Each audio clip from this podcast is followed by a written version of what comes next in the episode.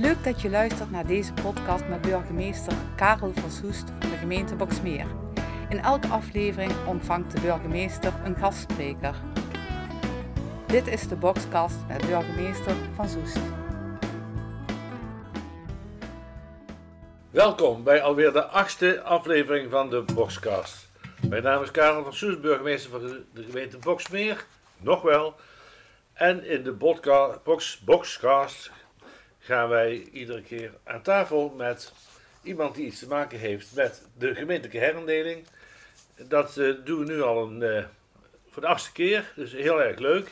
Want we hebben vandaag eh, bij de microfoon zitten niemand minder dan Bouke de Bruin, lijsttrekker van het CDA, die bij de verkiezingen afgelopen week ja, toch wel de grote winnaar genoemd mag, of winnares genoemd mag worden. 13 van de 37 zetels gaan alleen al naar het CDA.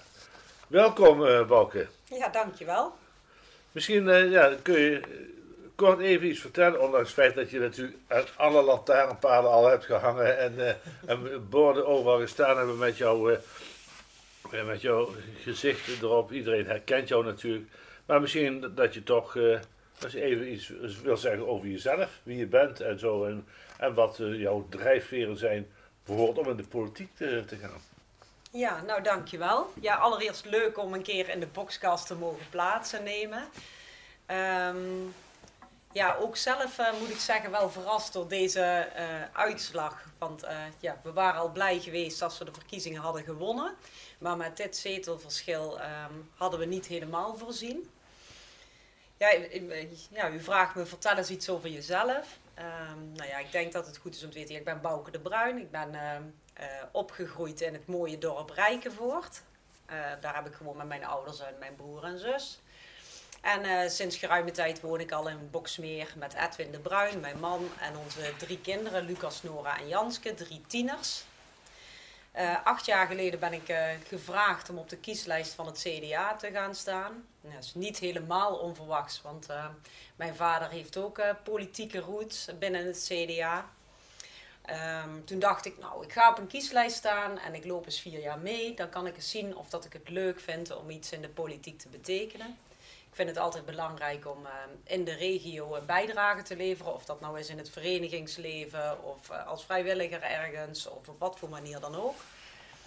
Maar eh, tijdens die verkiezingen kwam ik met voorkeur meteen de gemeenteraad in. Dus eh, ja, ik vind als je de verantwoordelijkheid, ja, moet je dan ook nemen. Je kunt niet zeggen, nou ik ga op een kieslijst staan en als ik met voorkeur sta en word gekozen, dan pak ik mijn positie niet. En het eerste jaar heb ik heel vaak gedacht, hmm, is dit wel iets voor mij? Het eh, duurt allemaal wat langer in de politiek soms dan dat je zou willen.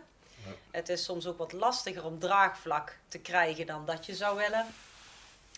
Ehm, dus het is best wel even wennen als je in de politieke arena rond gaat lopen. Ja, ik kan me dat herinneren dat eh, toen jij in de raad eh, kwam, nou, gewoon jong eh, en in die zin onervaren.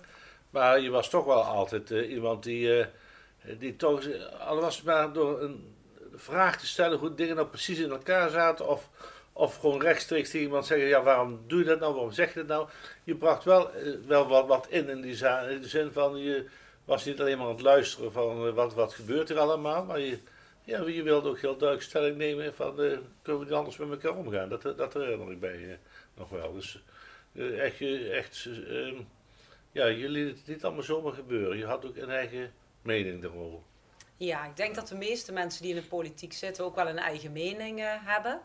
En ik heb me acht jaar geleden ook wel verwonderd door de opstelling van sommigen in de raad destijds. Ik denk dat dat ook op een andere manier eh, kon. Nou, dat is ook wel gebleken dat dat eh, eh, moest gebeuren. Ehm, en ja, ja, ik denk wel dat dat eh, het allerbelangrijkste is in de politiek. Dat je op een open manier met elkaar de dialoog blijft houden over de inhoud. En soms zie je toch dat het ehm, meer over de mens gaat en de onderlinge verstandhouding. Hè? En ik denk dat Ja, dat jammer ja. is. Ja, Je ziet het landelijk ook, hè? daardoor neemt het, het vertrouwen in de politiek niet meteen toe. helaas, ja. Ja. Nee, dat is, dat is heel duidelijk. Maar goed, die vier jaar eh, ehm, raadservaring, de- die heb je toch wel maar gehad en meegenomen. Want toen werd je wethouder. En dan ben je de afgelopen, ben je nu nog, hè, dus al deze periode wethouder. En ja, dan leer, daar leer je natuurlijk ook weer van een andere kant eh, kijken. En ja, dat is ook weer even wennen natuurlijk. Hè? Ja. Ja, zo heb ik elke vier jaar een proces waarin ik denk, ja, Ja. past het wel helemaal? Want ook toen ik begon aan het wethouderschap was ook wel even een omslag. Want dan denk je je kennis uit de raad mee te kunnen nemen. Van nou, dan heb ik toch een basis om als wethouder te starten. Er is natuurlijk wel enige basis, maar ik heb ook wel gezien de afgelopen vier jaar dat je als wethouder een hele andere verantwoordelijkheid hebt dan als raadslid. Kijk, je moet het beleid wat de raad vaststelt uitvoeren. Maar je bent ook opeens een ambtelijke organisatie aan het aansturen en met inwoners eh, in, een heel ander contact aan het staan. Ehm, en dat vereist wel hele andere vaardigheden dan eh, de raad, het zetten van de kaders en het. eh. Dus eh, ja, je, Ja, je dus, leert eh, elk jaar. Ik zeg, ja. ik heb nergens zoveel kunnen leren als in de politiek. Nee, dat is, dat is, daar hoef je ook geen spijt van te hebben. Want alles wat je geleerd hebt, dat, eh, dat krijg je nou. Dat zit in je bagage. Maar ik, ik ja, weet ook uit eigen ervaring. Wethouderschap, dat, dat is toch een hele zware klus. En niemand kan daar beter over oordelen dan jezelf. Want of je moet zelf wethouder zijn geweest, dan weet je wat het inhoudt. En dat, is, dat weet niet iedereen, want er komt heel wat, wat bekijken. Dat valt, valt niet altijd mee. Maar goed, dat, eh, daar leer je dan ook weer van. Ja, en dan ga je als wethouder de verkiezingen en van het CDA. En dan eh, ja, zo'n overwinning. Je zei net al, dat had ik zelf ook niet gedacht. Maar eh, het doet wel wat met je, denk ik. Ja, ik moet zeggen, ik ben nog wel steeds aan het bijkomen. Want woensdagavond was de uitslagenavond. En ik had zelf een, ja, een uitslag verwacht die veel dichter bij elkaar zou liggen. Ehm, maar ja, het is anders gelopen. Ehm, en dan eh, word je de volgende dag wel even wakker en dan denk je, goh, heb ik nou gedroomd of was het nou echt zo? Ja. Ehm, en dan moet je ook wel heel even alle druk van de afgelopen maanden van je af laten vallen. Want ik merk wel dat het de afgelopen maanden ook privé behoorlijk wat tijd heeft opgeslokt. Want je maakt toch lange, eh, ja, lange werkweken. Ehm, niet alles in een campagne gaat altijd even gemakkelijk.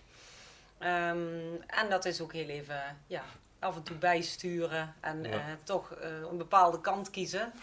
Ehm, en dan is het wel heel leuk als het resultaat zo is. Maar hoe heb je de campagne ervaren? Want ik kan me voorstellen, als je lijsttrekker bent van een partij die in dezelfde gemeente eh, de verkiezingen doet, dat dat toch iets anders is dan dat je nu lijsttrekker bent in verkiezingen met vijf gemeenten, die allemaal straks één gemeente gaan worden. Dus hè, in Boksmeer, de ge- gemeente Boksmeer kennen ze jou wel, maar je moet bij, ook die andere gemeenten allemaal je gezicht laten zien en meedoen in een discussieforum en dat soort dingen. Hoe, hoe heb je dat ervaren?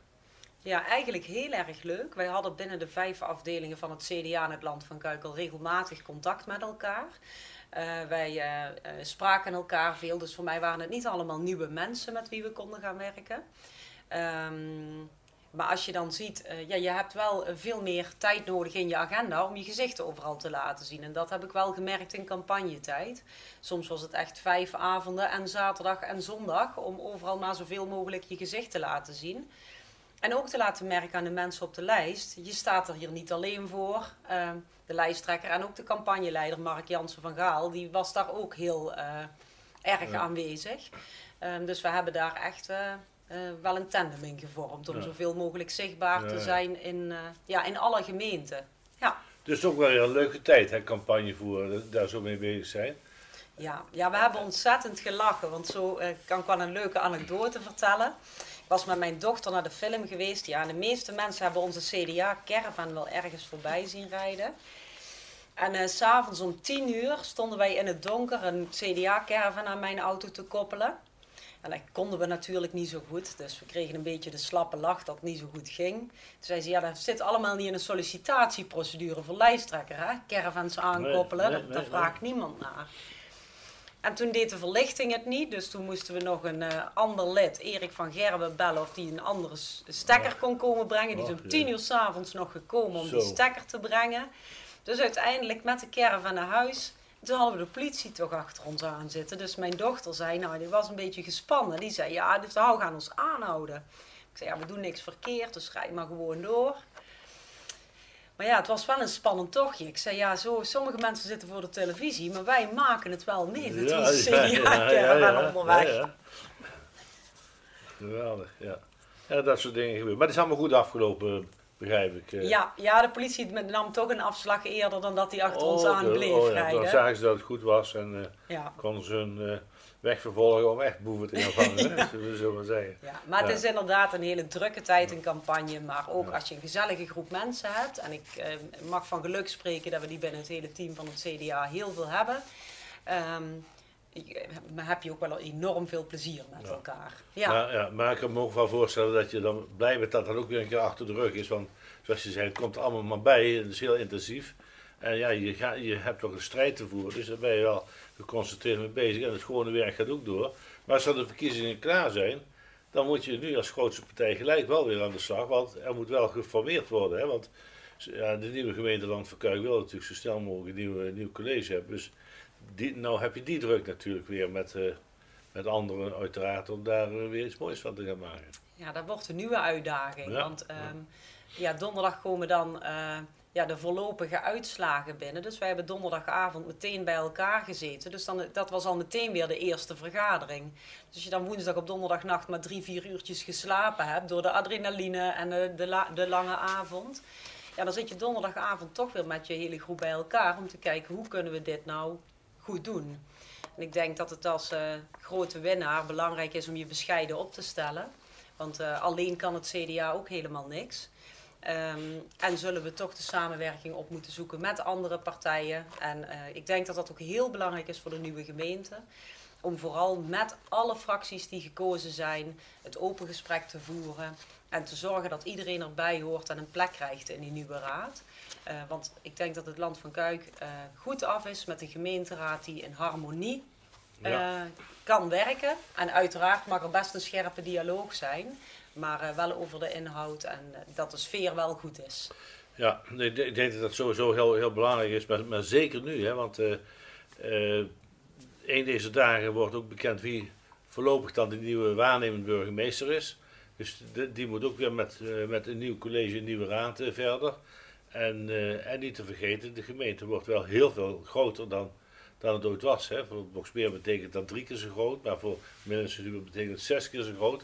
Dus die, die, die schaalsprong is ook wel iets waar, eh, waar je met elkaar rekening mee moet houden. Dus het zijn allemaal nieuwe dingen. Nieuwe waarnemend burgemeester, nieuw college, nieuwe raad, nieuwe gemeente. Ja, dat, eh, dat, als je start niet goed is, dan, dan merk je dat natuurlijk ook eh, vooral. Dus ja, hartstikke mooi. Nou, heel, en heel veel succes eh, daarmee. Want het is best weer een hele klus. En voor mij wordt het een stuk makkelijker, want ik ga het allemaal wel waarnemen van, van buiten dan. Hè. Niet als waarnemend burgemeester, maar als waarnemend burger eigenlijk. Goed waarnemen. Ja, maar ja, ik hoop wel dat we nog gebruik kunnen maken van de expertise van mensen die waarnemend burger zijn. Want daar kunnen we veel van leren, denk ik. Ja, Dus ja. ehm, Wie weet, ja goed, we zijn er de wereld nog niet uit, dus we weten elkaar wel vast wel te vinden. En dat, zal, dat, dat hoop ik ook wel, want het is altijd leuk om contact te houden en een beetje bij te blijven. zeker. Zeg maar, bedankt voor, de, voor in ieder geval dit, eh, dit onderdeel. eh, dat we iets meer inzicht hebben gekregen in wat je zo de afgelopen tijd hebt, eh, hebt doorgemaakt. En, eh, maar we hebben ook altijd een vraag van een, eh, een luisteraar. En in dit geval is dat mevrouw Esther Hermans. En daar gaan we zo dadelijk even naar luisteren. Vraag maar raak. Een ingestuurde vraag van een inwoner aan de gastspreker. Hoi Bouke, met eh, Esther Hermans hier. Eh, nou, ten eerste gefeliciteerd met je super verrassende overwinning. Echt enorme winst. Eh, gefeliciteerd daarmee. Eh, mijn vraag is, hoe ga je zorgen dat ook kleinere partijen, die eh, dadelijk niet in de formatie zitten, eh, zorgen dat zij meedoen in de besluitvorming? Dat zij ook een kans krijgen om mee te beslissen? Dat is mijn vraag. Ja, dankjewel Esther voor de felicitaties in eerste plaats. Ehm, ja, er zijn natuurlijk heel veel partijen in de gemeente ja, die een plekje gaan innemen in de raad. Het zijn er in het totaal, moet ik even goed tellen, negen. En ik denk dat wij eh, als CDA met alle acht partijen in gesprek gaan om te kijken wat hun wensen zijn. En vooral gaan kijken hoe kunnen we de ideeën van al die acht partijen ook goed meenemen. Want het kan natuurlijk niet zo zijn dat je een aantal partijen niet zou horen of niet meeneemt.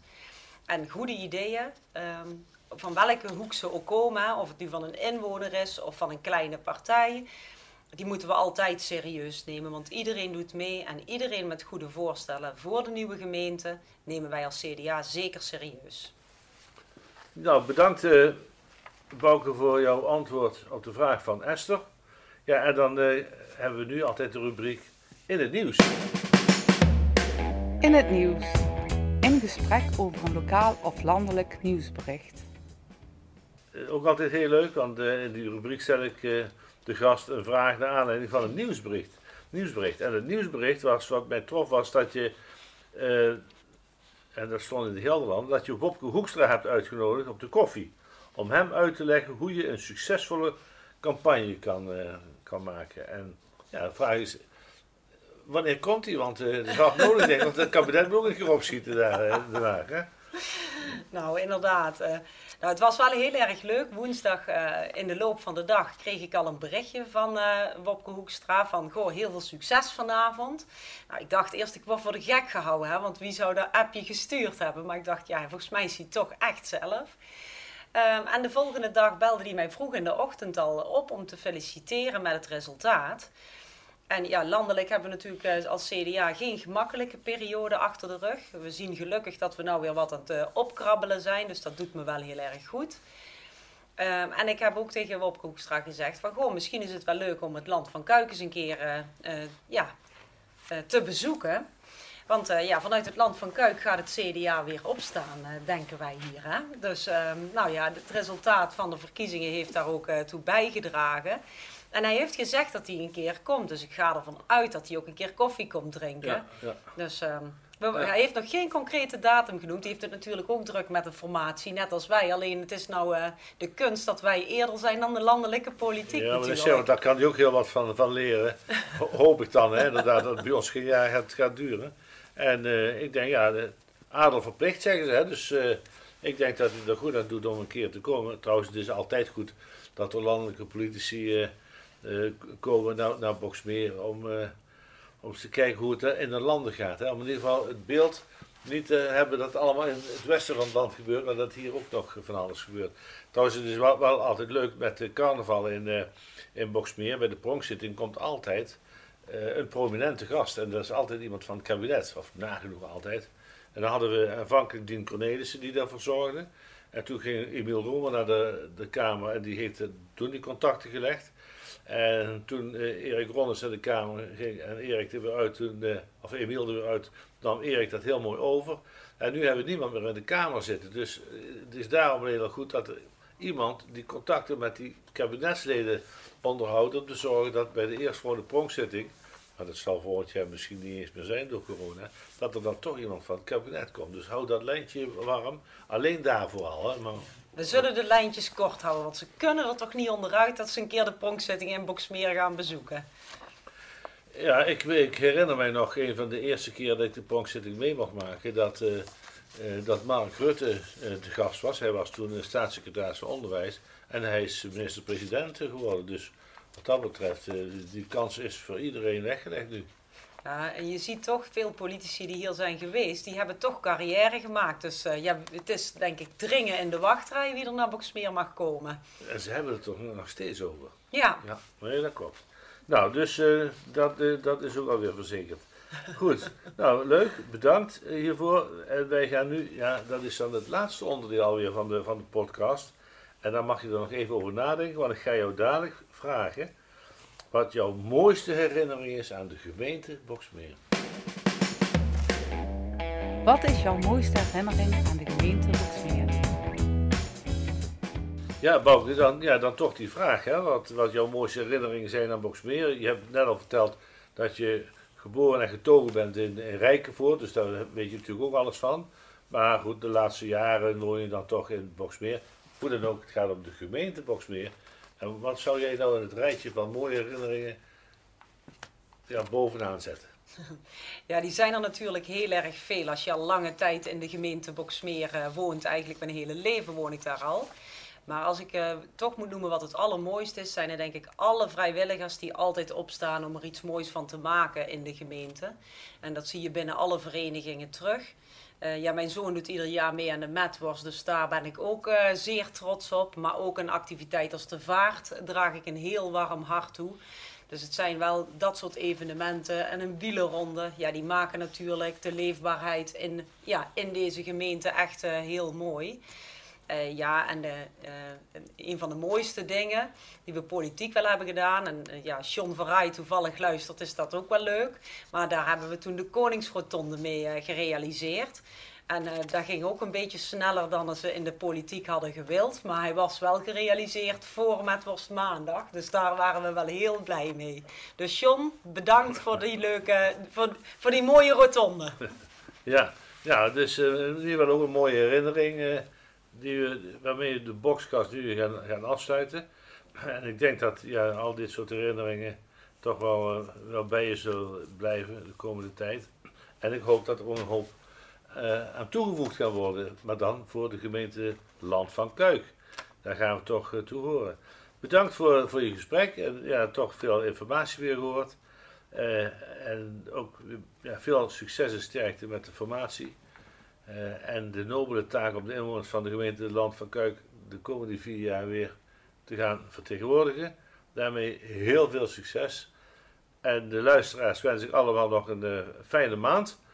Uh, maar hou het gezond. Hè. Bouke heeft mooie herinneringen opgenoemd. Allemaal herinneringen die ja, we hopen dat die volgend jaar weer doorgaan als in de werkelijkheid.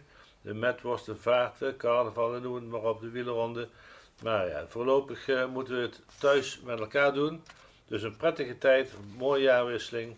En heel veel succes de komende tijd, en Bouke vooral. Dankjewel. Voor de luisteraar nog het volgende. De volgende maand, in december, dan komt de laatste podcast in deze serie. En dan nemen we afscheid met een podcast en een video-uitzending van de vijf burgemeesters van de gemeente Land van Kuik. En dat gesprek zal geleid gaan worden door uh, Verstegen. Bedankt voor het luisteren naar de Boxcast. Wil je op de hoogte blijven van de Boxcast en wil je weten wie in de volgende aflevering te gast is? Volg dan de social media kanalen van de gemeente Boxmeer. Tot de volgende keer.